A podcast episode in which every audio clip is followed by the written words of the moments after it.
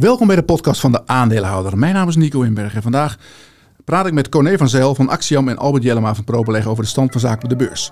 We bespreken onder andere de renteontwikkelingen na de vergadering van de FED en de ECB en de jaarcijfers van onder meer ING, Shell en Philips. Deze podcast kun je ook bekijken met beeld erbij. Ga dan naar YouTube en zoek op de aandeelhouder.nl en dan vind je ons vanzelf. Bij de aandeelhouder zijn we je ogen en oren op de beurs. Alles wat we relevant vinden op de beurs delen we vervolgens met onze leden. Je kan nu nog voor de komende weken gebruik maken van onze speciale aanbieding door lid te worden van de aandeelhouder met 50 euro korting. Bedankt voor het kijken en het luisteren. Welkom bij de podcast van de aandeelhouder. Het is vandaag donderdag 2 februari. De beurs uh, ja, die is aan het uitbreken. 759 as we speak. En ik sta hier om over de beurs te praten met twee gasten. Albert Jellema natuurlijk, mijn vaste sidekick. Albert, welkom. Mooie pet heb je op. Ja, dit is een, uh, ja, een eerbetoon aan onze Kees Smit natuurlijk. Die ja. uh, gewoon de hele tijd hier heeft gezegd 7,50. Nou, we kunnen, vandaag, we kunnen vandaag zeggen, we zijn er echt doorheen. Ja, ik hoop niet dat, dat Kees gaat zeggen dat we nu omlaag gaan. Want dan gaat het ook gebeuren. Maar dat heeft hij goed gezien. En speciale gast vandaag, de beursanalist van Nederland. Het beursanalist is je bijnaam is je, is je naam op, uh, op, op Twitter, social media, ja. Twitter. Uh, Corné van Zelf van Kon heel lang niet gezien. Nou, inderdaad. Is hele tijd niet gezien. Heb je, heb je een kleurtje? ja, inderdaad. Nee, het lijkt me wel heel verstandig om die voorbespreking uh, op Tenerife te doen met ja. jou. Dus dat is, is me goed bevallen. Doen we volgend jaar weer. Ja, ik was er op vakantie. Tenerife, Corné was er ook. En uh, we hebben gezellig een avondje bij elkaar gezeten. Ja. Ik, was trouw, ik was trouwens niet op vakantie, hè.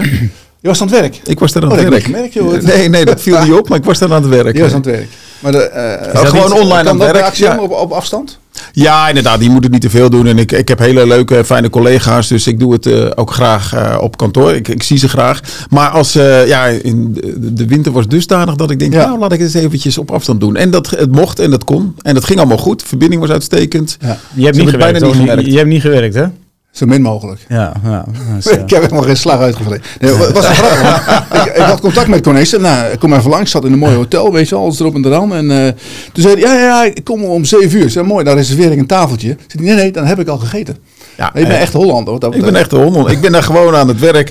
Ik heb gewoon de wasmachine draaien. Oh, ja? Ik maak gewoon zelf eten. Had je een huisje daar op de... Ik had een huisje, ja, tussen de Spanjaarden in. Dus, ja. uh, ben je ook de berg op geweest? Tuurlijk ben ik de berg op geweest. Ja, dat is mooi. Hoe was het daarboven? Want ik ben er niet gekomen. Ik had Verschrikkelijk koud. Het was twee graden.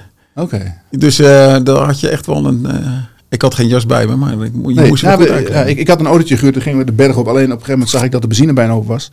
dus toen moest ik terug. Maar is dat, uh, is dat een beetje de toekomst voor de Nestos van de Nederlandse aandelenindustrie? Dat jullie nou, op Tenerife in de winter gaan zitten of zo? Uh, dat, uh, wel even over hebben. Ja. En dan kunnen we ja, afstand werken. Een paar weekjes is leuk, maar ja, kom op. Er, er lopen zo, zoveel pensionado's langs. Dat, ja? dat moet je er niet te lang willen blijven zitten. Nee, alsjeblieft niet. Ja, ook heel veel, het, het, is wel heel erg Engels. Hè. Er lopen heel veel Engelsen rond in een voetbalshirt was wel grappig. Ik was van de week bij de kapper, kan je zien. En toen, toen vertelde ik dat aan de kapster. Die vraagt altijd, ze beginnen altijd over vakantie hè, bij de kappers. Dus ik zei, ja, ik ben net terug, kun je dat niet zien? Nee, dat kon ze niet zien. Maar goed, ik, ik vertelde dat, dat allemaal, allemaal Engelsen, Engelsen rondliepen in een voetbalshirt. Ik zeg, in Nederland zie je dat niet. Zegt ze, nou toevallig wel, mijn vader doet het ook altijd. Ik zei, oh je voor welke club? Voor Feyenoord, zegt ze. Ik zei, ja, in Rotje Nee, in Hilversum.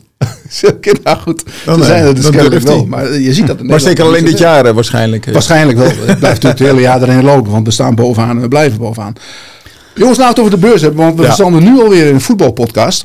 Um, Jij. Het is een prachtige, het is een prachtige beurs. Ja, ja, jou hoor ik er niet meer op. Jullie zijn zevende of zesde, weet ik veel. Nee, er wordt niks meer. Jaar is afgeschreven. Laten we het hebben over de Fed en de ECB. Om mee te beginnen. Um, beurs doet goed. Min of meer toch een klein beetje uitgebroken zou je kunnen zeggen ben geen technisch analist, maar je ziet, we zijn eindelijk door die 750. Um, uh, om jou te beginnen, collega, gisteravond de FED, vandaag de ECB. Wat is je, je algehele gevoel van wat die centrale banken nu willen? Ja, ik denk bij de FED en de ECB eigenlijk beide hetzelfde. Ze gaan door tot een bepaald niveau en dan gaan ze stoppen. En dat hebben ze allebei weer gezegd en herhaald. En het grappige ervan is dat bij de Fed gisteren zag je heel duidelijk dat de verwachtingen voor de. Dat, dat, het volgende kwartje dat komt er wel aan, dat heeft iedereen ingeprijsd. Maar het kwartje daarna, nou, uh, Jerome Powell had het duidelijk over uh, verhogingen, dus meervoud. Dus er komen twee kwartjes aan, zegt hij. Ja. En we doen de markt die prijs nog maar één kwartje in. En het volgende kwartje maar een veel lagere kans. Dat is eigenlijk heel erg onlogisch. Maar je zag de bus er goed op doen. En vandaag bij de ECB zie je weer precies hetzelfde. Ze zeggen duidelijk, volgende keer twee kwartjes. En de beurs uh, reageert heel positief. Je ziet de obligatierente flink dalen, 15 basispunten direct op de uitspraken. En ik denk, ja, maar ze, ze herhalen wat ze eerder hebben gezegd. Sterker nog, ze bevestigen dat ze verder zullen gaan verhogen. En de markt reageert precies tegenovergesteld. Vind ik bijzonder. Onlogisch. Je zou het bijna onlogisch kunnen noemen, ja. Maar goed, de, misschien komt de waarheid straks later harder aan. Albert, heb jij een verklaring voor dit, dit uh, onlogische beleggersgedrag? Nou, beleggers zijn altijd op zoek naar zekerheid. En hè, die, die hebben liever van dat ze zeker weten dat de rente naar 5% gaat, dan dat het is van nou, het is onbekend waar het heen gaat. En ik denk dat het gevoel wat nu overheerst, is dat nou, de ECB die heeft dan gezegd, nou, in maart gaan we dan weer 50 basispunten doen. En er stond ook letterlijk daarna gaan we weer opnieuw beoordelen, hè, een nieuw assessment. Uh, en uh, ja, dus dat, dat, dat, dat voelt een beetje de hoop van, nou, het zal waarschijnlijk hè, in ieder geval af, af het tempo van verhoging zal daarna waarschijnlijk gaan afnemen. In Amerika, uh, nou, we, we, hebben bij uh, de aandeelhouder bij de premiumleden, die krijgen van ons artikelen. En daar had uh, Jeroen Bokland, die heeft eigenlijk afgepeld, die, die hele speech van de Fed. En nou, dat is dan duidelijk volgens hem dat er nog twee keer een kwartje komt. Alleen zoals hij het interpreteert, is, is het dan ongeveer klaar. Dus oftewel, die duidelijkheid wordt dan uh, ja, gegeven.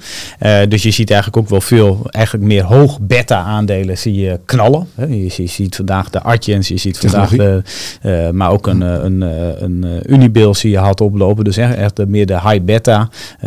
ook nou, Basic Fit met best wel veel schuld natuurlijk. Allemaal van zulke ja. bedrijven zie je hard oplopen. Um, en ja, de, de, verklaring die ik zou kunnen hebben is dat, dat, dat, dat aan de ene kant er is meer duidelijkheid uh, gevoelsmatig, denk ik, voor beleggers zoals we het zien.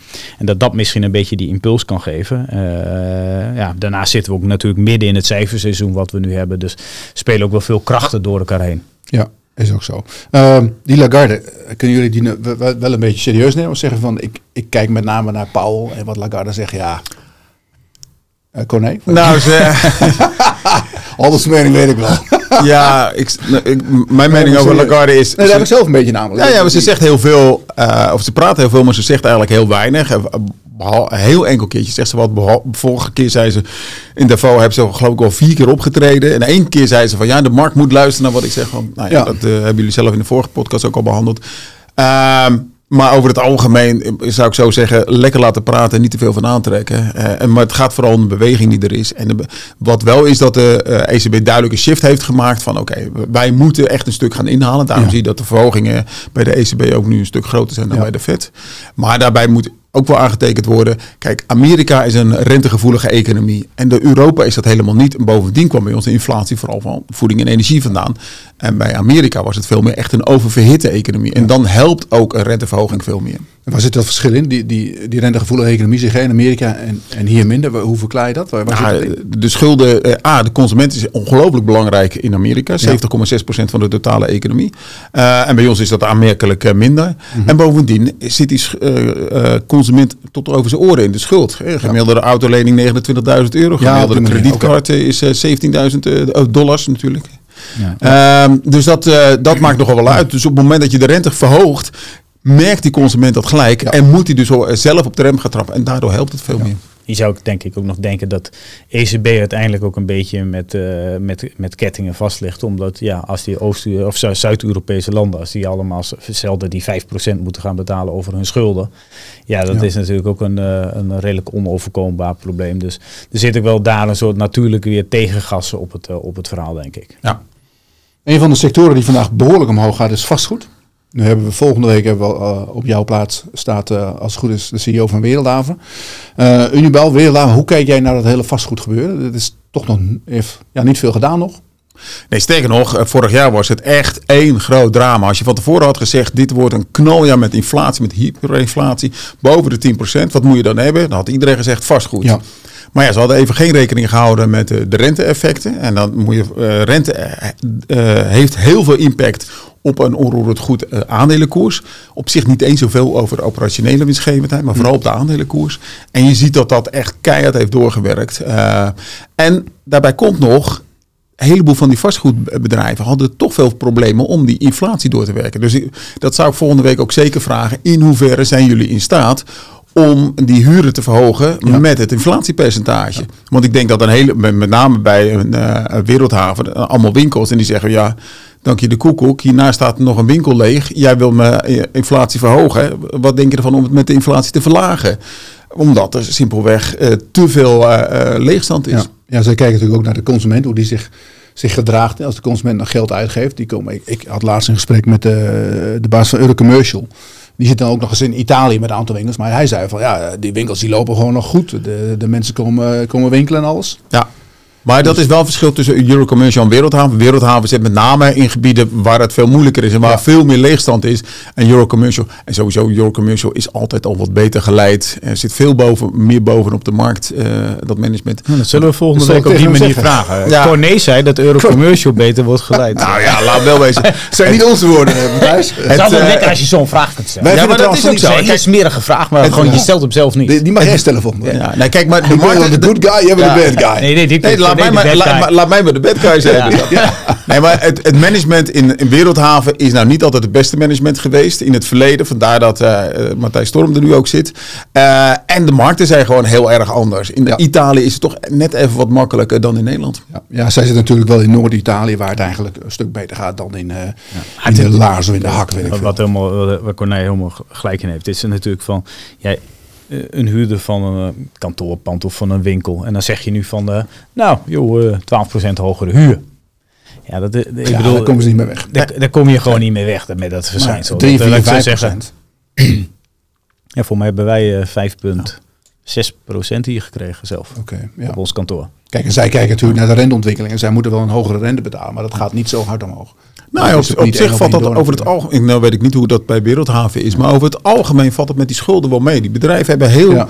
Goed ge- geherfinancierd op Ja, hele lage niveaus voor Ja. redelijk lange termijn. Dus Voor mij staat zo'n Unibil zelfs om iets van zeven jaar gemiddelde looptijd van de lening. Maar ja, dat Ja. wil wel betekenen, hè, ik, ik weet het niet precies hoor, maar stel dat je nu op twee zit, er komt wel elk jaar zeg maar 30, 40 Ja. basispunten bij. Eh, Ja, nee, het gaat best wel hard, hoor. Dus het, het gaat in stapjes, maar Ja. ze hebben over het algemeen lang geleend. ja, KPN bijvoorbeeld, die ging van, van gemiddeld 2,6 naar 3,5. Eh, Ja, hebben ze in- kort, eh, maar dan dat hebben, ze best schijn- wel, dan eh, hebben ze schijnbaar veel wat afliep. Ja, relatief be- best, best ook een grote stijging. Maar ja, goed, we zullen zien. Eh, ja, Corné, jij weet dat misschien wel. We hebben hier ook een vaste rubriek in, in, eh, in onze, onze podcast. En dat is eigenlijk, wat heeft Albert verbaasd? Albert? vragen ook aan onze gast. Ja, nee, we vragen ook aan onze gast. Wat heeft jou verbaasd deze week? Ja, inderdaad. Nou, als eerst die, die rentebeweging natuurlijk. eh, maar goed, die hebben we al behandeld. En dan het tweede wat, ik, wat echt wel bijzonder is, is de Adani-groep of Adani-groep. Ik ben Uit niet- India. Uit India, dus ik- mijn India's is niet zo goed. Dus, eh, Adani. Het kan ook. je- ik, ik, ik reken alles goed. Ik eh. heb nog India's gegeten van de week. Sorry. Had dat er dan mee te maken? Ja, we beginnen nog India. Nee, maar daar is eh, echt 100 miljard dollar van de beurswaarde afgegaan. Eh, en meneer Adani Ja, in een week of twee Dollar of weken? roepies? Nee, nee, vanaf het hoogtepunt. eh, dus dat is Ja, echt, ja, nee, dat is echt veel. is echt- het zijn allemaal verschillende aandelen. Een stuk of 7, 8. Ja, inderdaad. Het is een hele groep met allemaal verschillende aandelen. En die zat tot als een nek door in de schulden. En eh, er is zo'n hedgefondsgroep, de Hindenburg Group. Die heeft echt weer een, een leuk rapportje geschreven van dit gaat helemaal fout. En er zit heel veel corruptie in. Nou, dat durf ik zomaar te geloven. Ik heb het rapport niet gelezen. En maar goed, eh, beleggers eh, die geloofden het in ieder geval Ja. wel. En die hebben massaal dat aandeel gedumpt. Eh, ik heb net even nog opgezocht. in de MSCI Emerging Market was het de nummer 10 qua aandeel, qua grootte. Oh. Dus het was Oh echt wel een Dus serieus die- bedrijf. Eh, Ja, en dat, dat heeft de hele beurs in India onderuit getrokken. India was echt een hele dure markt. Gemiddelde koers-winstverhouding was 24 keer de verwachte Mhm. winst. En China zat op 8 keer of zo. Dus eh, het was een hele dure markt. Dus die krijgt ongelooflijk harde knap, klappen. En je ziet ook dat de Indiaanse beurs keihard onderuit gaat. eh, ja, door dit eh, schandaal. Wat, wat vind je ervan echt van? Want, ik zit me altijd wel zelf over te verbazen dan. Want zo'n Hindenburg die gaat dan eerst zelf short Ja. En dan doen ze het rapport. ja, ik zou het niet andersom doen. Nee, nee, ik ook niet. Maar dat, Moeten wij ook doen, Albert. Ik vind het altijd een beetje een grijs gebiedje. Zo. Natuurlijk is het een grijs gebied. Eh, maar goed, iedereen weet van tevoren. eh Ja, ze hebben al ja. een paar zaken eerder gehad die ze goed hebben gezien. Ja. Eh, en het, het is wel bijzonder. Je valt nu de rijkste man van Azië aan. Ja. En het is nog succesvol ook. Maar ze doen het ook alleen maar als je weet, als ze denken een case te hebben. Hè? Ja, ja. Want op het moment dat ze alleen maar gaan aanvallen om het aanvallen, dan, ja, dan, Ja. dan werkt nog een paar keer en dan is het afgelopen. Dus ze gaan ook echt, ze doen echt hun huiswerk wel goed. Maar eh, er zit wel een grijs randje aan, zeker. dus ze kwamen er volgens mij achter dat, eh tenminste dat vertelde Jordi. Jordi, als ik niet goed vertel moet je even ingrijpen. Maar dat ze waren bezig met een aandelenemissie, dat Adani. Ja. En dat ging natuurlijk, hè, dat, dat kwam helemaal niet uit. Toen hebben ze zelf ingeschreven op die aandelenemissie via een aantal andere accounts. En daar is de Hindenburg ook achter gekomen. Dat is uiteindelijk hè, een van de, de cases die ze hebben gemaakt. Dus eh, ze denken dat daar, want het- als je ook die aandelen kijkt, die zijn enorm gestegen de afgelopen jaren. Ja, ja, en dat, dat de afgelopen twee, drie jaar zelfs. het was eh, in drie jaar tijd voor 25-voudigd. Ja, moet je nagaan. Nou, Ja. ik heb ze wel eens minder gehad. ja, zo word je de rijkste man van Azië. En, eh, en, en ook zo weer niet. Ja. En, maar nu, nu vertel wat ik, ik had, ik had Corné voor de uitzending gevraagd, wat is je laatste aankoop? Toen vertelde je een ETF Emerging Markets. Ja. Was het dan voor of Nee, dit- nee, dit dat is al eh daarvoor. Dus di- dit is e- echt een duidelijk minpunt. Ik Ja. heb het gekocht op basis van de heropening van China. Nou, dat werkt goed. Ja. Eh, en het heeft per saldo nog steeds goed gewerkt. Maar dit, dit is echt wel een, een streep eraf natuurlijk. Ja. Eh, want dit, eh, ah, als nummer 10 eh, van je aandelenportefeuille gewoon eh, Ja, die- zo hard onderuit gaat. die, die MSCI World Emerging Markets zitten voor mij in totaal eh 3500 aandelen. Ja. Dus, Ja, Maar ja, als nummer 10 eh, naar nummer weet ik veel Ja. wat gaat. Ja, dan- maar dat is dan dan tikt- 0,001 procent en 0,2. Maar je, je ziet wel wat er nu gebeurt met die rente. Is voor emerging markets toch heel erg goed. Dat in ieder Ja. geval de dollar wat afkomt. Hè, en dat, dat, Nee. eh, die hebben vaak schulden in dollars. Dus, dus voor Ja, emerging nee, dat- markets. dus dat werkt allemaal goed. Ja. Overigens, wat ik wel zei, een- India is nummer twee in, eh, qua landen, qua emerging market. En als heel India dus naar beneden Ja, gaat, zoals ja, het nu ja. gaat, dan, Dan tikt werkt wel het harder door. Maar inderdaad, eh, heropening van China, eh, veel tech exposure die weer eh, een beetje vleugels krijgt. Ehm, en de dollar, dat waren allemaal factoren die, eh, die er bijdragen. En, maar emerging market heeft ook wel best wel een outperformance al laten zien. Dus. ja. Ja, oké. Goed gedaan. Albert, jouw jouw eh, je wekelijkse verbazing. ja De eh, van vorige week vond ik trouwens niet zo sterk dat je daarover verbaasd. Maar goed, dat, laten we daar verder niet op terugkomen. Nee, nee, nee. laat- Geen oude koeien uit de sloot, Nico. Eh, vandaag wil ik graag een eh, uitspraak eh, aanhalen. Dus de uitspraak, leuker kunnen we het niet maken, wel makkelijker. Oh, is van de Belastingdienst. Ja, je, je weet het gelijk. Want ik heb twee weken geleden, want je, soms maak je, maak, doe je een belofte dat je een stuk gaat schrijven over dat je in plaats van je geld bij een grootbank, dat er wel alternatieven zijn om wat meer te krijgen dan dat lullige kwartje wat die grootbank jou geeft op dit moment. En dan ben ik mij eens gaan verdiepen in die, die nieuwe vermogensrendementsheffing. En dan heb je nu in 2022 en 23 en 24 en 25 kun je schijnbaar op twee methodes je aangifte doen. En eh, nou, dan zit je dat zo te berekenen. En als je dus je geld op een spaarboekje zet, dan krijg je dus 0,25. En in de Ja. nieuwe methode, eh, de, nieuwe, de cijfers zijn nog niet bekend, maar op dit moment staat hij op 0,01% wat ze dan zeggen wat jij erop krijgt. Dus dan heb je zeg maar 24 basispunten, 0,24% over. Maar wat hebben ze nu gecreëerd? Als je dus een staatslening hebt, gewoon van de Nederlandse staat. Nou, dan is er eentje die loopt af in januari volgend jaar. En die doet nu 2,5%. Dus je, als je die koopt, heb je 2,5% rendement. Maar met die nieuwe methode gaat er dus dan op dat moment 1,71% naar de Belastingdienst. Dus je koopt een lening van de Nederlandse staat en je houdt 0,69 over. En het is 2,5%.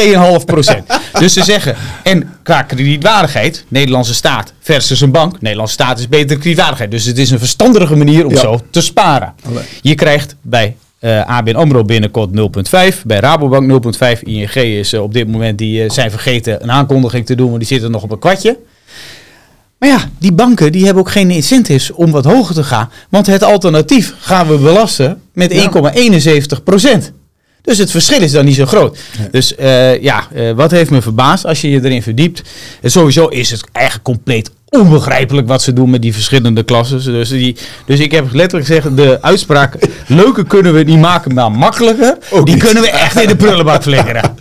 Ja, ik, ik hoorde inderdaad je dat zeggen in de podcast. En ik denk, ja, maar je, je vergeet inderdaad die vermogensrendementsheffing. Ja. En, dat, ja, en dan kan je slim doen. En denk je, nou, dan koop ik een staatslening die afloopt voor het einde van het jaar. Mhm. Wat leuke is, het is allemaal juli Ja. of januari. Ja, ja. Ja, maar Dus je kan als je januari kan, wa- je dan, moet je- dan kan je hem nog wel verkopen. Maar, Maar, dan, zit je, dan moet je je geld weer drie maanden laten staan. Hè? Want ze, ze, ze gaan dat nakijken natuurlijk. Wie, zijn geld erin eruit gooit. Maar eh, eh, je geld aan de Nederlandse staat geven, zodat eh, om ze te financieren 2,5% rente te ontvangen, dat belasten we. En het bij een bank zetten, dat belasten we niet. ja, Dubbel. Ja, de bil. Oké. Nou, eh, ja, ja, leuker kunnen we het inderdaad niet maken. Maar het is wel, eh, het is Ja, wel het- het- vervelend. maar het is ook gewoon niet leuk. Maar dat, dat rentartikel komt, komt er dit weekend of wordt Ja. het wordt volgende week? Nee, nee, dat komt, nee ik had Oh. vorige weekend beloofd, maar ik denk, we wachten even die renteverhoging Ja. allemaal af deze week. Dan is het artikel wat meer up-to-date. Heel duidelijk. Dit weekend in het magazine van de aandeelhouder. Ja. Laten we dan eens even wat, wat aandelencijfers eh belangslopen, jongens. Je had het over de banken. Laten we beginnen met ING banken. ING verdient eigenlijk over onze rug heel veel geld. Mag ik daar dan lekker op doorhakken? Ja, natuurlijk. Ja? ING die maakt in totaal met de rentebaten meer dan een half miljard extra winst dan het jaar daarvoor in datzelfde kwartaal. Oftewel, dat komt omdat ze ons geen rente op onze spaarcenten geven, pakken ze een half miljard. Dus eh, ja, dat was eh, fantastisch. Ja, ze maken ook wel veel meer kosten eh, dan de consensus.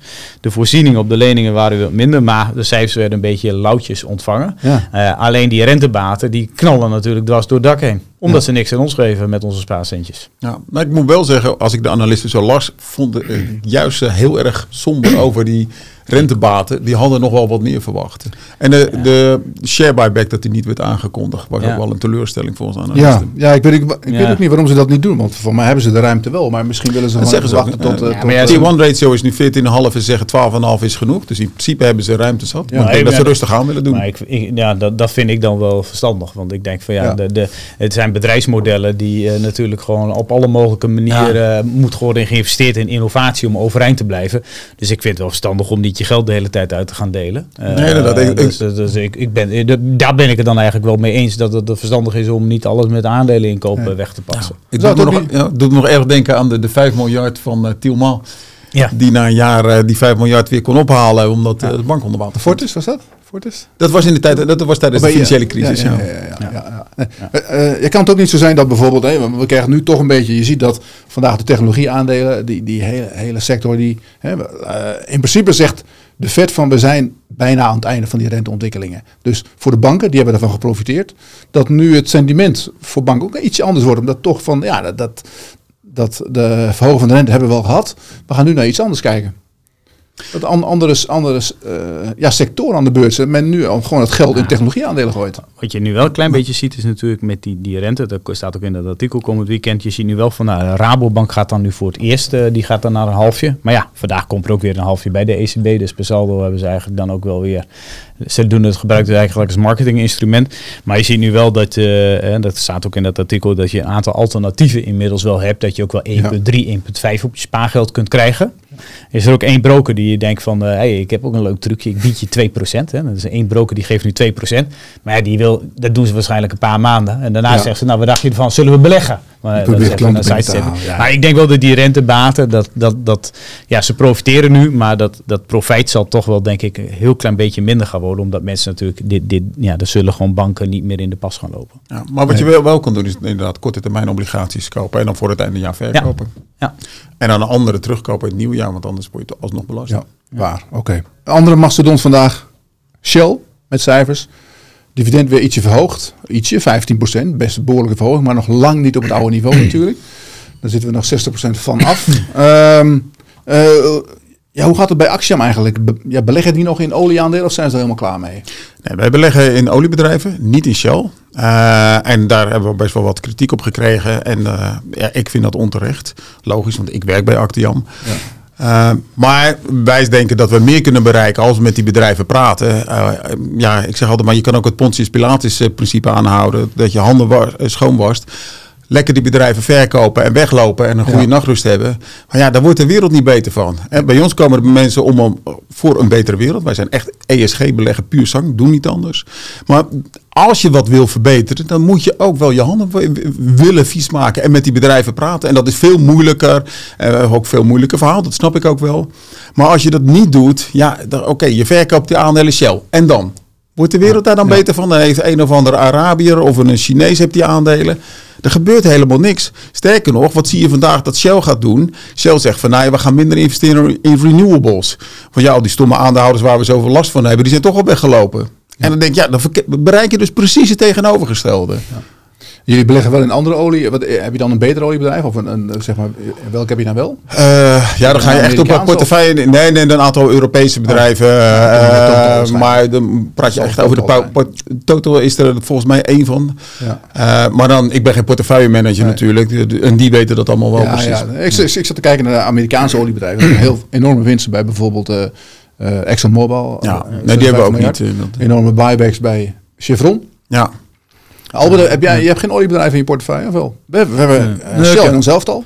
Ja, in het elftal. En ik heb ook wel geregeld eh, SBM gehad. Ja, Eh, nou ja. En nog steeds als je kijkt naar de, de netto contante waarde van al die verschillende FPSO's die ze hebben, dan denk je nog steeds van god dat die koers die staat. Maar ik heb ze nu niet. Dus ik heb op dit moment geen oliebedrijven. Maar ja, niet vanwege bepaalde overtuigingen. Dat, dat, Je dat, niet. Nou, ik heb ik wel. Maar in dit geval, in, dit, in, dit, ge- in dit geval vind ik het eerlijk gezegd, wat ik eh, eerder al zei, eh, een, eh, een, een, het Noorse staatsfonds wat al zijn geld heeft Ja. met, eh, met olie, Ja, die gaat dan nu helemaal niet meer in olie beleggen. Onze burgerlijk pensioenfonds hier in Nederland dat niet meer in olie belegt. Ja, ik, dat vind ik. Nee, ze beleggen wel in olie. Hè. Ze doen wel heel veel commodities. oh, dat dan wel. Maar ik denk, ja, Maar hallo, niet is dat dan geen olie? Ja, nou ja, maar dat vind ik een beetje hypocriet. Ehm, en eh, wat, bij, wat, wat bij Shell, eh, vandaag wat, wat, wat mij verbaasde bij die Shell-cijfers is eigenlijk, want daar zitten hè, bij, bij een Morgan Stanley en JP Morgan, er zitten maar een paar analisten die al die olie, of die, die, die er zitten meerdere analisten die een paar van die oliebedrijven volgen, dus die zitten echt heel diep in de materie. En dat ga je zo als generalist ga je nooit van zulke soort jongens inhoudelijk normaal gesproken winnen. Alleen eh, dan lees ik dat eh, eh, de inkomsten uit gas, dat daar verwacht was eh, 3,8 miljard, hè, consensus, en dat kwam uit op 6. En dat was eigenlijk de blow. dat, dat, dat was eigenlijk de bizarre verbazing. En dat vind ik wel opvallend dat bij zo'n bedrijf, waar, waar, waar echt, ja, echt de topanalisten echt op zitten om het te volgen, dat er zo'n grote afwijking is van de consensus. Dat zie je niet zo heel vaak, Die, moet ik die zeggen. markt is ook wild geweest natuurlijk, die gasmarkt. Hè. Ze hebben Ja. natuurlijk afgelopen jaren eh, Europese eh, ja, de gasopslag in Europa Ja. gevuld. Toen waren zij de verkoper. Ja, en ze zijn de ook verkopers. dus inderdaad. Dus daar hebben ze onwijs veel geld aan verdiend. Maar uitstekende cijfers. Een eh, inkoop 4 miljard volgens mij Ja. eh, per kwartaal. Hoge dividend. Eh, ik las net nog een artikeltje aan Corné voor van eh, dat eh, bij NOS stond dat eh, de eh, verontwaardiging in de Nederlandse politiek over de enorme winst van, eh, van Shell. ja. Ja, dat is gewoon belastinggeld geweest. Daar hebben we gas voor gekocht. Ja. Ja, wat, wat ik wel grappig vind is, eh, nou ja, hè, we hebben hard tegen Shell tegen eh, lopen aanschoppen. Nou ja, Shell is dus vertrokken naar Engeland. Het is gewoon een Engels bedrijf. En ik hoor in de Tweede Kamer niemand over BP praten bijvoorbeeld, die net zoveel winst maakt. Nee, Het is ook een Engels bedrijf. Ja, nee dat, dat is ook waar. Maar het, goed, het het is doet me een beetje denken aan de, de hond die tegen de karavaan blaft, Ja. eh, die al lang is weggetrokken. En want ja, die, die, die karavaan zit nu in Londen. Ja. Die schrijf even op. eh, De hond die ik tegen de caravan die BP zit niet in de... A- eh, Ja. de laatste keer dat ik keek hoor. Ja, BP zit niet in de AX volgens mij, toch? Nee, inderdaad, maar het zijn allebei Engelse bedrijven. Nee, dat klopt. Een ander Engels bedrijf, Unilever, die krijgt wel weer een Nederlandse CEO. Ja, opvallend. Schumacher. Ja, daar stond ik ook van te kijken inderdaad. Ja. Eh, Dus die, die is toch wel weer opmerkelijk. Dat, want die, dat is niet iemand die van intern komt. Dat is iemand die hebben ze gezocht. ja. En eh, dus, dus misschien worden die toch weer een heel klein beetje Nederlands. Nou, maar de, de- als je internationaal kijkt, zitten er ook relatief veel Nederlandse CEO's of in de top van het management. Omdat Nederlanders hebben blijkbaar toch die open blik. Praten sowieso makkelijker Engels dan een gemiddelde eh, Fransman, om als een voorbeeld te nemen. Dat is ook waar. Ja. Waarom wilden al die bedrijven weg? Unilever, Shell, DSM gaat nu ook weg. Eh, wat is uh, Flow traders, retail Bermuda? Ja, nee, eh, eh, nou, ik, ik denk in alle gevallen dat het best wel specifiek is. DSM omdat ze heel graag eh, ja, toch wel een stapje hoger in, in de ranking willen komen met, eh, qua, qua marges. En dus hebben ze maar hun oren gelegd bij Femini eh, en hebben ze zich eigenlijk laten overnemen. Flow traders omdat ze van die eh, regelgeving af wilden. Ja. En al die andere drie Anglo-Saxische Nederlandse bedrijven, ja, omdat de wetgeving en de houding in Engeland toch blijkbaar net iets iets beter is. En ondanks Brexit ze dan toch naar Londen wilden gaan. Ja. Ja, zie je. Want daar heb je dus heel veel lokale aandeelhouders, eh, pensioenfondsen, die zeggen van, eh, dat zag je nou vooral bij Unilever, van nou, nou, wij willen dat jullie gewoon Engels blijven. En in Nederland hebben al die pensioenfondsen, ja, lekker belangrijk. En dat is toch zonde, want dat maakt het wel het verschil. Ja, ja. Albert, eh, je hebt gekeken naar dat DSM vorige week ook, hè? Eh, Ja. Bijzonder verhaal. Ja, eh, ja eh, ik zo zeggen, er zijn genoeg aandelen in de wereld om te kiezen. Dus de, de, deze ga ik gewoon nu eventjes niks mee doen. Want was wel best wel. Ik kwam, ik kwam erop door een artikel van de VEB. Dus complimenten wel voor hun eh, eh, goede uitzoekwerk. Want als, want als je dan prospectus ziet van die overname wat gepubliceerd is, dan is dat best wel.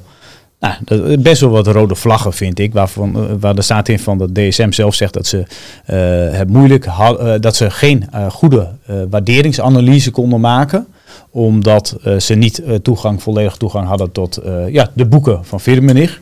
Uh, nou, dus dat, dat, dat verbaast me wel als je 19 miljard overneemt, dat je eigenlijk geen toegang hebt. Dat is toch wel bijzonder. Ja. Maar Laten we maar zo formuleren. Dan wil, je, nog, dan wil je heel graag. Eh, schijnbaar. En het tweede was dat de, die, die topmanagers van Firmenich, en dat zijn er voor mij iets van 150, die krijgen allemaal per persoon 744.000 744.000 euro bonus als dit doorgaat. Waanzin. Ja, wat doe je dan na twee jaar? Dan zeg je bedankt, ik ga eens even bij de buren eh, Ja, ja. aan, de slag. Vind ik ook eh, een red flag. Nou, de synergievoordelen en, en ook dat ze zeggen van nou, we willen omzetsynergieën halen uit de klanten van Firmenich. Je weet niet wie die klanten zijn, maar je hebt geen toegang door de boeken. Dus eh, het zijn heel veel dingetjes. En eh nou, dat dividend hebben ze er nu een trucje voor verzonnen. Hè, dat je dan niet te veel lekkage Ja, hebt. Maar ja, hoe lang duurt Maar, dat? maar dat is misschien ook voor nu geinig voor twee jaar. En uiteindelijk gaat het toch naar dat je 20% van je dividend gewoon in gaat leveren. Dat gaat uiteindelijk Bizar. weer gebeuren. Waarom willen die Dus- lui zo graag weg, joh? En het stemrecht hebben we nog. Dus ik bedoel, ik heb het al Ja. een paar keer gezegd. Maar het is een beetje dat je denkt... Je, je, je zegt eigenlijk van, joh, wij, wij willen dit. Zeg maar wanneer jullie akkoord gaan. Ja. Wist je trouwens, DSM stond, staat bekend in Nederland als, als, als eh, een van de, de beste ESG-bedrijven. hè?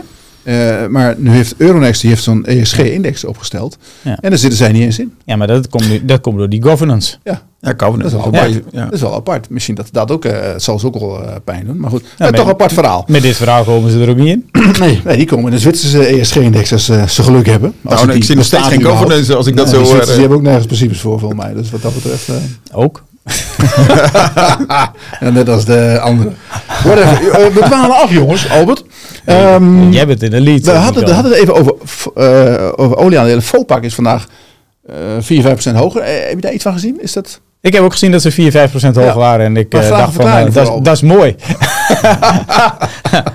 ja, nee, ik, ik ben eerlijk gezegd, oh, ik was best wel een beetje verbaasd dat ze weer echt waren teruggezakt, eh, behoorlijk stuk. Want ik Ja. dacht, ja, ik verwacht eigenlijk ook wel gewoon hele goede cijfers. Dus eh, ja, ik heb ook aandelen, hè, full disclosure. Eh, want ja, met soms, ja, we hebben het over contango, backwardation, vaak Ja. bij dit soort bedrijven. Ja, volgens mij ziet die markt er gewoon uitstekend voor hun uit op dit moment. En vorige keer hadden ze al positief verrast. Ik denk dat, dat dat nog wel even door kan gaan. Dus eh, 23 ziet er ook heel goed uit. Eh, en het aandeel ja, is natuurlijk ook echt gewoon, ja, het is al van 20 naar eh, 29 gegaan. Alleen kijk eens waar naar vandaan komt, 55. Eh, het handelt denk ik op nou, misschien 11, 12 keer de winst nu. Dividendrendement, wat ook hartstikke aantrekkelijk is. Dus eh, ik heb niet specifieke verklaring voor vandaag, maar eh, Nou, misschien ik gewoon vind het, achterbl- ik vind het gewoon wel logisch. Ja, maar die oliecurve, als je, als je die, die kan je eigenlijk op de relatieve performance leggen van Vopak. Eh, en die is al een Ja. stuk vooruit gelopen. En dan zou Vopak nog wel een stuk moeten inhalen. Maar let wel, eh, ze zijn wel de Russische klanten kwijt natuurlijk. Hè. Dus de, Ja. de, Maar dat, dat was juist die angst waarom dat ding naar onder die 20 zakte. Eh, dat was die angst dat die analist allemaal zei van ja, want Vopak zei op vragen wat betekent dit nou die oorlog? En ze zeiden ja, dat weten we zelf nu ook niet. Nou, nu is het duidelijk hè, wat voor impact het is, althans op dit moment. En eh, dat lijkt allemaal wel mee te vallen. Maar die angst, die heeft het aandeel denk ik naar, nou, wat was voor mij, 18 euro op de low eh, geduwd. Omdat het bedrijf zelf ook zei, we weten het niet precies. Nee. En analisten dachten, nou ja, dat, eh, dit is drama voor die lui. Die gaan naar een bezettingsgraad van onder in de 80. Ja, nu kwam er in één keer 89 uit. Ja, veel reuze mee. Wat ook een leuk aandeel is, eh, olieaandeel. Euronav kwam vandaag ook met cijfers. Eh, volg je dat een beetje, Belgische, de Belgische markt überhaupt niet? Of niet? Ik kwam jou een keer tegen in België op zijn aandelendag. ja, maar- inderdaad. Eh, Maar daar praat ik vooral over Ja. de beurs als geheel, eh, inderdaad. Maar schijnbaar heb jij er wel naar gekeken. Nee, nee, nee, maar, nee, maar dat, viel eh, toevallig Euronav. Daar was heel, heel veel gedoe. Eh, eh, eh, Ja, was een overnameverhaal. Werden Ja, overgenomen door die Noren, Frontline. En dat is afgeketst, ging het aandeel omlaag. Maar nu kwamen ze vandaag met de cijfers. Die verdienen echt heel veel geld. Dat eh, ongeveer eh 1 euro per aandeel. In een kwartaal. En ook, ook een bullish outlook voor die tankermarkt. Dat is wel interessant. Ik ga dat even in de gaten. Ik heb een klein beetje gekocht vandaag. Full disclosure ook hier. En eh, gaan we kijken hoe zich dat ontwikkelt.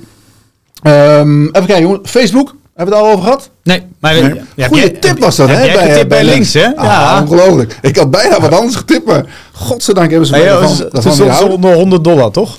Nee, 120 toen of zo. Of ja. 130. En nu veel. 180. 180, 180. Moeten we eruit? mooi. Nee, nooit, nooit eruit. Nou, Nooit veel. eruit. Moet, je zelf, iedereen, moet iedereen zelf Zeg- weten. Maar ik vond, nooit ik vond het wel een beetje overdreven. 20% erop, zo'n bedrijf. Betekent dat er 80 miljard bij komt aan market cap. Nou ja, overnight. Hè. Eh, waar slaat dat op? Maar goed, ze gaan heel veel eigen aandelen inkopen. Uh, tenminste, ze hebben 40 miljard weer apart gezet. De vraag is dan wanneer ze dat gaan doen. Want die Amerikanen doen, die geven autorisatie voor een bedrag. En dan gaan ze later wel zien hoe ze dat doen.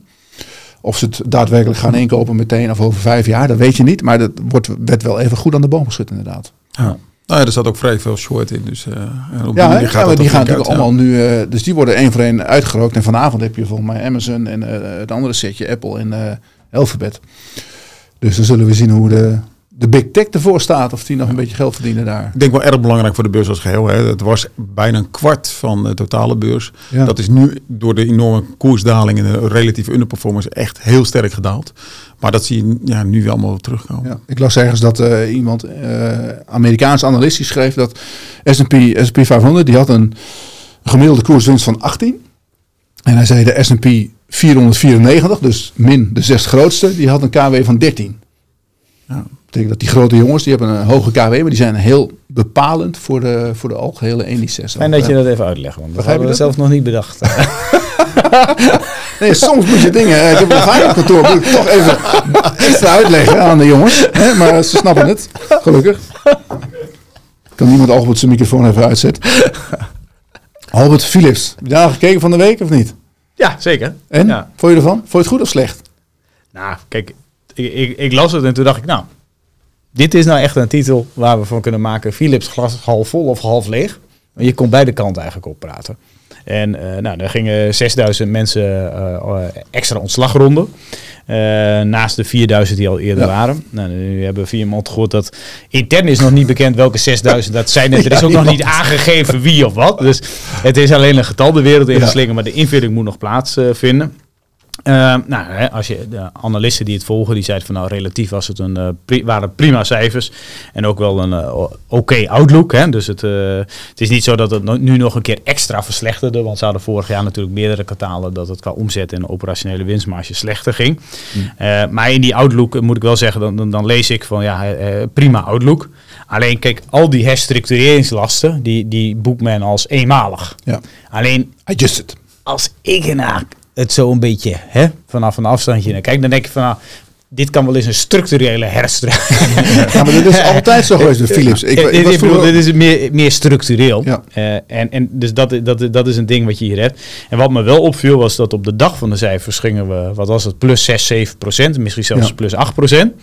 En toen de volgende dag, toen ging de CEO op roadshow in Londen. Om dan, uh, zeg maar, beleggers in de ogen te kijken en zijn verhaal dus toe te lichten. Ja, die spreekt niet zo goed Engels, denk ik. Die, uh, en uh, toen zei hij van, uh, wie, wie fired for, for uh, 6000 people?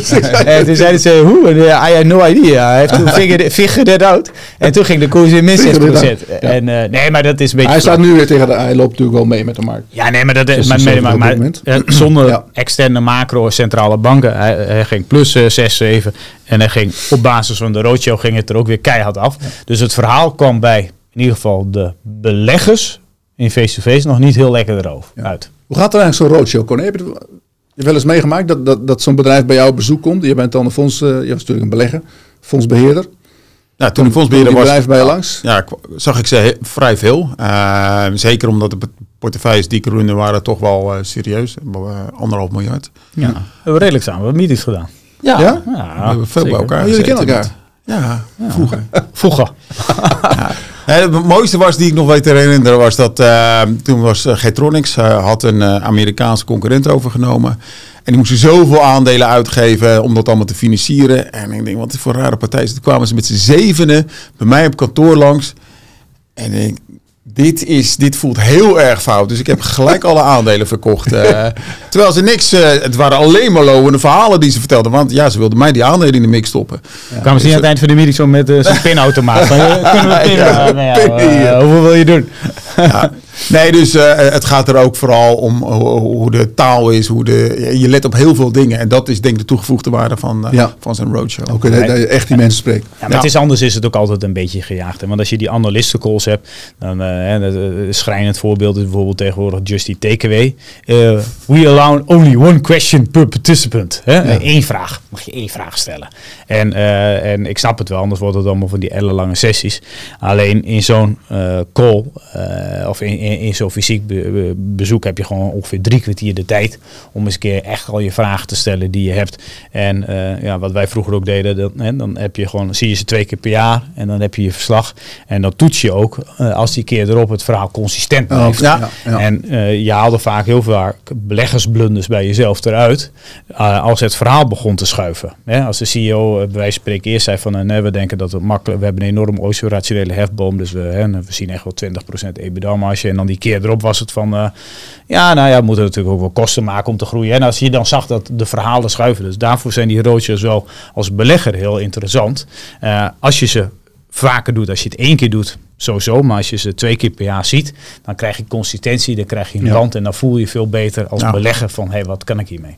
Ik had al een heel dik schrift, zodat ik zeker weet dat de opmerking van vorige keer er nog in stond. En dan Ja. Schrift. Oh, even eventjes terug. Ja, ja, altijd zo'n hele Ja, leuk. dikke... En jij vertelde toch ook van de week al dat, dat, jij bij, dat jullie bij die, in, in jouw eh, periode bij de hedge fund, dat je graag als eerste altijd zo'n Ja. Ja, zo'n bedrijf zag. Wij, wij claimden, wij claimden altijd de meeting, ze beginnen meestal om 8 uur. Wij claimden altijd de 8 uur meeting. Want dan Ja, hoorden we als eerste het verhaal. Ja. En, Als het eh, niet goed was, dan kon je om negen uur nou ja, kijken kijk, op de knop bij- die gast bij Philips die om 8 uur de meeting had, die kon er op min 2 uit. Die Ja. hem om 4 uur had op min 6. ja, hè? Het is toch een verschilletje. Dat is wel goed. Dus, eh, wil je wij- staan, bij ons was het altijd eh eerste meeting. Eh, maar wij, wij- ja, destijds waren we dan in, in Nederlandse small midcaps hadden we dan deden wij best veel. Dus dan was het ook altijd dat ze dan naar Londen op roadshow gingen en er was een analist bij. Dan zeiden we ook altijd van, eh, nou, eh, loop dan even naar die eerste, aan het eind van die eerste meeting even het gesprek uit. En Ja. horen we graag even wat er allemaal gezegd is. nou ja, je moet erop zitten. Je- Ja. het, ik bedoel, het is een extreem competitief spel beleggen. Ja. En om dat spelletje te winnen, dan moet je eager zijn en er bovenop zitten. Ja. Wat, wat is nou die impact van die, van die roadshows? Is het echt belangrijk voor die bedrijven dat ze, ze, ze eh, live die grote beleggers spreken? Ja, want ze krijgen ook feedback. En dat Ja. is denk ik ook wel heel erg belangrijk. Ze weten wat er dan bij beleggers leeft. En ze Ja. weten, hè, nou ja, ik hoorde net over een bepaald bedrijf praten. Dat dat niet bij iedere eh, manager aankomt. Niet. Maar het is wel, ja, gewoon, juist in die communicatie eh, leer je veel. Wij als beleggers leren veel, maar zij als management Ja. weten weet ook wat, wat er speelt en wat me- mensen bezig gaan. Ja. Maar dat, het, is ook, het is ook, kijk, die, die, die, die, die, die CFO's en zo, dat, dat zijn mensen die hebben bij wijze van spreken altijd in het bedrijfsleven eh, gezeten. Maar dat is soms iets anders dan hoe een eh, financieel gedreven analist er naar kijkt over hoe je bij wijze van spreken balansoptimalisatie kunt doen. Ja. Hoe die kijkt naar return on invested capital of verschillende divisies optimalisatie. Dus eh, bij echt goede analisten kan het bedrijf ook wat leren. Ja, ja oké. Mensen die misschien ook even op roadshow moeten zijn de, de manager van Sligro. Die werd niet zo goed ontvangen vandaag. Corné, wat vond je ervan van die cijfers? Ik heb er niet zo goed naar gekeken, maar het viel me wel op dat eh, wat ze lieten zien, dat het aanmerkelijk onder de consensus was. Maar Ja. goed, wat is de consensus waard bij Sligro? Want zoveel Ja. analisten Ze hadden nog gewaarschuwd met de derde kwartaalcijfers. Hadden ze gezegd van nou, eh, het valt ongeveer in de range. Maar de analisten zitten wel wat aan de hoge kant. Ja. Maar die zaten veel, veel, dat hebben ze niet bijgezegd. Nee. Wie niet luisteren wil, moet maar voelen. Albert? Ja, nou, exact wat Corné zegt. De, de, de kosten waren veel hoger. En eh, ze zeiden onder andere eh, personeel, drivers, chauffeurs, Ja. wat was. Dus ja, ze kwamen voor mij, nou, wat was het, 24 of ja, echt serieus Ja. onder de consensus, 18 miljoen onder de consensus uit. Maar ook voor 2023 zeiden ze van ja, die kosten hebben we nog last van. En dat metro wat ze dan in België hebben opgenomen, dat zal 20 miljoen EBITDA kosten in 23 en dan moet dan in 24 positief worden. Dus dan gaat er, ben je alweer 20 miljoen kwijt van je 126 van dit jaar. En je maakt hogere kosten. Eh, dus ja, gevoelsmatig een beetje doodgeld. Eh, maar jij hebt ze, Nico, dus misschien eh, vind jij het geen doodgeld. eh. Ja, fijn dat je het even aanstipt. Ja. Het is echt een hele vervelende dag vandaag met Sliegel. Nee, maar goed, het, het- ja, het is wat het is. Het is wel... Het is al wat opgelopen van de 14 naar de 18, maar dit is wel een. eh, het viel me ook een beetje tegen. Eh, ik zie ook wel dat ze in België natuurlijk eh, zitten met, met, met die lonen in België, die gaan behoorlijk omhoog. 11% krijgen de Belgen erbij, dus daar hebben ze ook mee te maken. Maar het zit net op, op alle vlakken een beetje tegen. En Nou ja, daar komt bij alles dat- is wel gewoon open. Hè? Dat Ja. was een jaar geleden was het allemaal niet open. Dus wat nee, dat het- betreft het moet- was het best prima Het nu. moet nu wel gaan gebeuren, maar nu, nu ze, laten ook zien dat het consumentenvertrouwen. Ze kijken altijd daarnaar ja, naar het consumentenvertrouwen. Als dat laag is, hè, dan zijn ze bang dat eh, de consumenten geen geld uitgeven. Ja. Maar Volgens mij wordt er best goed geld uitgegeven in de horeca. Tenminste, hier in het gooien wel. Ik weet niet hoe bij jou Nee, nee, nee, maar dat, is het opvallende. Wat je juist ziet is dat normaal gesproken bij zo'n laag consumentenvertrouwen zoals je nu ziet, dat de consument ook de hand op de knip houdt. Ja. Maar dat doet hij dus niet. Nee. Ook omdat die prijzen hard omhoog gaan. Maar hij geeft ook nog steeds wel geld uit. Ze zijn blij dat ze uit kunnen. Ja.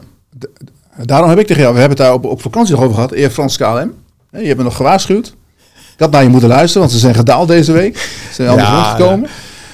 Ja, het leuke France KLM, het is, daar, eh, daar hadden we het inderdaad over. Van, eh, iedere aandeel heeft zijn dag in de zon. Nou ja, eh, dat is- en, en- en wij daar. Maar het is een kwestie van volume. Die zijn uitstekend, want iedereen wil op vakantie. En de prijzen, en die zijn ook uitstekend. Want er worden helemaal geen kortingen gegeven. Alleen één groot nadeel. De 40% van de kostprijs is wel de kerosine. Ja. En die gaat wel even stevig omhoog. Ja, nou, En ze hebben- valt op nou ja. moet zeggen, benzine is nu, ja, olie, Ja, oké. als je kijkt naar de olieprijs, Ja. valt het nog, nog mee. Maar ze- oh, ik heb het niet naar gekeken hoe de laatste hedgepositie is. Maar normaal gesproken hedge ze een half Ja. jaar vooruit. Dus ze, hebben, ze waar. rekenen nu nog met de prijs van een half jaar geleden. We zullen zien, ze komen over twee weken voor expiratie, althans nog met, met eh, de eh, jaarcijfers. En dan zullen we zien wat er nu weer, eh, weer ja, verbrand is. Ehm, even kijken, wat hebben we nog meer? Jongen? Hebben we nog tijd? Ja, we hebben nog tijd. Eh, Albert, er komen best veel eh, vragen binnen. Ook, voor jou trouwens, Corné. Bezi, hè, dat, dat loopt eigenlijk best goed. Staat nu 69 euro, 70 zelfs, as we speak. Ehm, dat loopt eigenlijk mee met ASML, ASMI.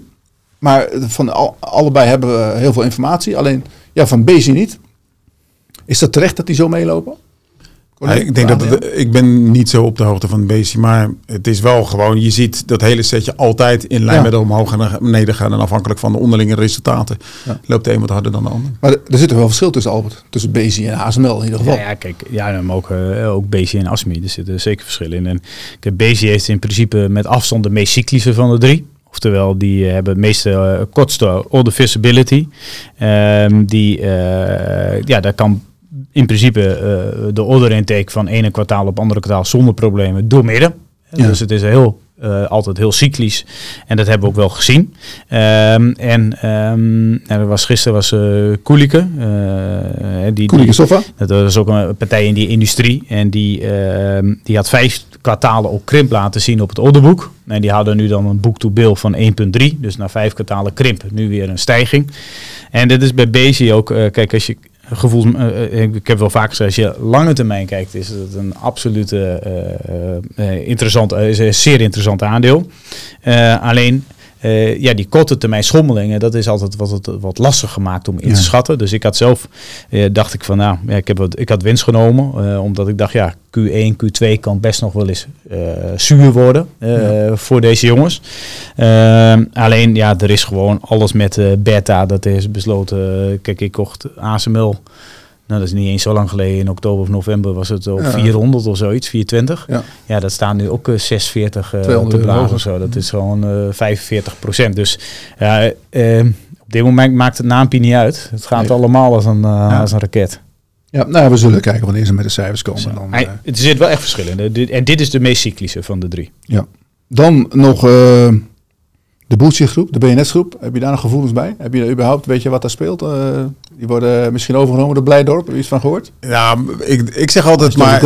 eh, ah, ja, je, je wil je niet eh, in dat soort bedrijven zitten waar je zo erg afhankelijk bent van ja, hoe de pet van een groot aandeelhouder staat, waarvan je toch wel kan zeggen dat hij een dubieuze rol speelt. Dus, de, Ja. En dan, dan, dan, dan laat ik het verhaal voor de rest maar liggen. Ja.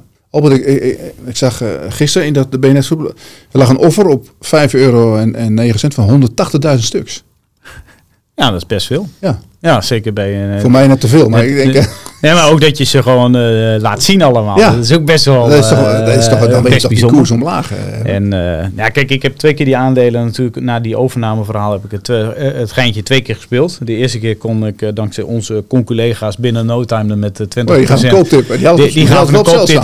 Die zeiden van, eh, nou, dit is, deze staat op één met meest waarschijnlijke overnamekandidaat van Nederland. Nou, toen, toen jaagden ze hem van 5,30 naar 5,80 of zoiets. En ze gaven ook een selfies erbij. ja, nee, dat was, een hele, hele kromme. maar ik zat zelf in toen op 4,96. Toen, heb ik, toen donderden ze weer in elkaar naar 4,90. Dus toen dacht ik van, uh, nou, toen kwam die eerste raad van commissarissen man die werd aangekondigd. Ik denk, nou, nu gaan ze even ja, gas geven, zodat uh, de boel weer netjes is, dat die overname kan komen. Dus toen kocht ik een best wel agressieve turbo op, was 4,95. Nou ja, die stond binnen no time op bijna 50% winst. Dus ben ik er weer uitgegaan. Nou, nu stonden we deze week weer onder de 5 euro. En toen, dacht ik, en toen dacht ik, als ik het nu ga doen, gaat het mis. je hebt zeker mazzel gehad. Want laten we het even eerlijk zijn. Het is natuurlijk een stukje mazzel wat je dan ja. moet hebben. Alleen, wat ik nu denk... Oké, okay, halverwege december had hij zijn zin eigenlijk. Hè, want toen gingen die raad van commissarissen... die werden eruit gebonjourd, zeg maar. Ja. Die uh, Kitty Koelemeijer en die, uh, die andere uh, Jan Ari. Jan Ari. Jan Ari. Die gingen, gingen eruit. Nou, dan kan hij zijn marionetten kan hij zitten neerzetten en dan kan hij boef, actie. Maar ja, we zitten inmiddels in februari. Uh, ja. En er is niks gebeurd. En, Wat denk je nou als die kwartaalcijfers, die jaarcijfers van die jongens straks heel erg, heel erg meevallen? Want het is, ja, denk je, ja, komt van de 14 euro. Maar, maar, denk je dat iemand die dat wil kopen, dat die... Ja, dat, dat die nee, nee, nee, maar goed, hij, hij wil natuurlijk die koers laag houden, omdat die met 6 euro, 6,5 een beetje goed voor de dag Maar misschien heeft hij ook wel geen bod gedaan, want het vierde kwartaal is met afstand het meest belangrijke kwartaal ja. voor dit bedrijf. En je ziet dat aan de, aan de schuldpositie, want die worden enorm omhoog gejaagd omdat ze voorraden moeten aan, uh, aanhalen. Dus je hebt dan een enorme werkkapitaal uh, eind Q3. En dan moet je het wel verkopen in Q4. Ja. Dat is wel even essentieel. Uh, ja. Dus ja, dat is één. En tweede is ook natuurlijk, want daar kwam ik later nog achter, dat als, je die, als hij die overname doet, hij, heeft, hij werkt met veel schuld. Alleen er zit wel een uh, uh, anti-takeover clause bij die schulden. Dus hij moet dat wel rondfietsen natuurlijk, want hij heeft geen zin om de, uh, die, de, die schulden uh, met cash in te vullen. Ja, ja. Dus komt meer bekijken dan je denkt. Ja. Ik moet zeggen, die, die, die luchthavenwinkels hebben ze ook. Die lopen toch, we hebben allebei gevlogen. Dat was hartstikke druk. Ja, inderdaad. Ik had een boek gekocht van Erik ten Hag. Dus, nog nooit zo'n slecht boek gelezen. Echt verschrikkelijk. Maar ik, ik heb het in het hotel achtergelaten ook. Maar jij, de, jij doet weer... Je, je zegt heel vaak tegen mij, Albert, uh, N is 1. Dus Nico gaat vliegen, kijkt naar een winkeltje en trekt een conclusie. Dat is nee, N is, was N is 1. Oh, nee, je zegt nu N is 2. Want ik heb was ook gevraagd of, of dat de winkel was voor de BNS-groep. Dat ik volgende keer moeten vragen. Maar ja. dat werd wel goed. En parfums en alles. Werd, ja. uh, wat allemaal heb ik ook gekocht. Voor, uh, dus, uh, maar goed, maakt niet uit. Maar wat, wat ik zou doen als ik hun was, zou ik zeggen van joh, weet je, laat me lekker uitzingen. Als je een jaartje wacht, dan biedt iedereen met heel veel plezier op 5 euro en een kwartje zijn aandelen ja, aan. Dat denk ik ook. Ja, dat kan en dan zit je een heel jaar te balen hè, van uh, wanneer komt die overname nou? Hè? Rot aandelen. Ja, oké. Okay. Lekker laten maar goed, zakken. misschien is dat er wel een tip voor meneer Blijdorp. Ja. Misschien, misschien, misschien doet hij dat wel. Geven, misschien ja. wacht hij gewoon af, want hij, heeft, hij hoeft het niet te doen. Hij kan het doen. Hij kan gewoon wachten. En, ja. uh, hij heeft natuurlijk geduld. Um, goed. Uh, we hebben nog een klein beetje tijd. Laten we even kijken naar de agenda van de volgende week. Ik noem wat namen op. En als jullie er warme gevoelens bij hebben, dan hoor ik het graag. Adjen? Ja, warme gevoelens. Ja? ja, jij hoopt op een daling. Maar Albert, het gaat is dat bijna 1600. Ja, maar ik heb aandelen. Alleen oh, ik wilde er meer. Je hebt het niet weet, dat weet je. Je wilde er nog meer. Ik wilde er meer. Alleen vanwege uh, ja, de consument, zeg maar. Hè, wat toch een belangrijke uh, ja, voor hun is. Omdat ze natuurlijk uh, betalingstransacties ja. daar wat over verdienen. En ze hebben een gedeelte point of sales met de, de pinapparaten. En de groei was extreem hoog in H1. Uh, maar ja, je ziet al die verkopen van die e-commerce, et cetera, wat toch nou, niet super is op dit moment. Uh, dus ze moeten, als ze zo hard willen blijven groeien, uh, is heel sterk afhankelijk van enorm veel marktaandeel winnen. En dat kan. alleen, ja, daar betaal je ook wel best wel stevig voor. Dus technologisch, denk ik, superieur bedrijf. Als je kijkt naar de naar de cijfers ongelooflijk. Hè? Wat, uh, wat zij van een EBITDA naar een free cashflow, wat daar uh, de doorvertaling is, het is ongelooflijk. Ja. Dus ik vind het wel heel mooi. Jij Corné? Nou, ik heb er weinig gevoelens bij. Het is zo verschrikkelijk duur. Ik ben blij dat het een Nederlands bedrijf is. Um, ja. Jullie, jullie beleggen er niet in bij Axiom? Of weet je oh, wij hebben ook een paar duizend aandelen in bezit. Dus ik weet ja, niet waar we allemaal zo, in beleggen. Kan er maar, zo maar bij we hebben veel indexfondsen. Dus ik ga ervan uit dat het ja. daar wel in zal zitten. Ik heb nog meer namen. Maar ik weet het niet zeker. ABN AMRO komt woensdag. ABN? Kijk ik ook niet, nee. Gewoon nee. Wereldhaven, donderdag. Nee, nee, nee. Maar ik, nou, ik, die, die vraag hebben we opgeschreven. We zullen die man even uh, goed het vuur aan de schenen leggen. Ja. Na aan de schenen leggen. Hè? Corné. En uh, flow traders? Ja, dat lijkt me het ideale aandeel wat je altijd wil opnemen op het moment dat het heel erg rustig is en niemand meer naar omkijkt. Uh, ik denk dat het nog iets te duur is, uh, maar dat is een aandeel wat je eigenlijk altijd in je achterzak wil hebben. Ja. Hoop dividend. Euronext, Albert, hebben we in ons elftal. Verwachten we daar nog wat van? Of is het moet even daar... Want de, de volumes waren natuurlijk niet erg hoog. Uh, afgelopen half jaar. Kijk, dat, dat Euronext meer een verhaal is dat, dat het besef moet komen bij, uh, bij investeerders dat uh, de, zeg maar de niet volume gerelateerde omzet en gedeelte van de winst uh, inmiddels nog maar rond de 40% is. Mm -hmm. En dat 60, 65% komt voor data-abonnementen, uh, koersinformatie. Uh, ze gaan nu dat settlement in-house halen, hè, wat ja. uit Italië. Dus iedereen zegt altijd handelsvolumes lagen, geen Euronext. Alleen dit, dit, verhaal is juist helemaal veranderd in een compleet ander bedrijf. Waarbij je een hele hoge recurring revenue hebt, met een hele hoge marge. Uh, en als je daar dus een normale multiple op zou plakken en die zou die trading, zeg maar handelsgerelateerde activiteit anders waarderen, uh, dan is het denk ik een super interessant aandeel. Alleen, ja, het zit dan ook in zo'n lokale index in, uh, in Nederland. Ja, dat is wel jammer. Hè? Ik weet ook niet hoe. De, ik denk, zit helemaal nergens ik heb ook het idee dat er gewoon eigenlijk niet echt heel erg serieus nee. door beleggers op een radar staat. Dit het zit ook niet in de kakkeran, volgens mij. Zit helemaal nee, ik, ik, ik, ik heb eerlijk gezegd ook nooit nagevraagd waarom dit aandeel eigenlijk zo. Ja, want het is, ja. het, is, het is, wat is het, 8 of 9 miljard of zoiets? Ja, best. Uh, dus het is niet uh, klein. Iets in die orde van grootte. Het zou misschien mag het niet omdat ze zelf die indices beheren of zo? Het zou in ieder geval in de, ik, ik weet het, het ook zou in niet, ieder geval uh, in de, in de AX zitten. Maar eigenlijk zijn dat altijd de leukste aandelen waar niemand aan kijkt. Ja. ja. Exor, ja, Exor, of je daar wat van? Exor? Ook niet. Italiaanse ja, ja, dit, dit, ja, heel simpel. Exor is gewoon een autofabrikant, punt. Uh, ja. Zo moet je het ook beoordelen. Uh, en trekkers. Dan moet je ook oh, trekkers, doen, ja, die trekkers. Ja, ja. Nee, nee, echte trekkers, van, ja. van die trekkers. Nee, in het Westland heb je tuinders, hè? Die tuinders. rijden niet zoveel op trekkers. We hebben nee. wel omgekeerde vlaggen, dat wel. Zijn er nog tuinders of hebben die allemaal hun gascontracten verkocht? Er zijn er een aantal die hebben echt heel veel geld verdiend met uh, contracten. En er zijn er een aantal die uh, losse contracten hadden. Ja. Dus uh, gas op dagbasis. Ja, die hebben het zwaar. Ja. Er staan best wel veel kassen leeg op dit moment. Eén dingetje nog, Egon, volgende week? Ja, full disclaimer. Ik heb de aandelen en die, die heb ik al echt al uh, lang en met veel plezier. Ik denk dat de gestegen rente in de Verenigde Staten uh, nog erin moet gaan. De deal met ASR is prima. Ja, deal is goed. Ja, tevreden over die deal? Ja, ik denk het wel. Ik denk dat voor beide partijen echt er heel veel te halen valt. En je wist dat uh, Egon er wat mee wilde. Nou ja, dan denk ik dat dit een van de beste uh, deals was. Uh, en nieuw management wat ook echt wel wat anders in de wedstrijd zit. Ja, dus die een goede combinatie. Ja. Maar goed, nogmaals, full disclosure. Ik heb Wordt het dan een Amerikaans aandeel of niet? Want ja, daar ben ik wel een beetje bang voor inderdaad. Je hebt wat dat betreft dus nog alleen uh, ja, een deelneming in, in, Nederland. Je hebt Engeland, wat veel omzet maakt, maar weinig winst. Ja. En voor de rest is het allemaal Amerika. Ja. En die deelneming ga, ja, gaat er waarschijnlijk uiteindelijk ook gewoon uit. Toch?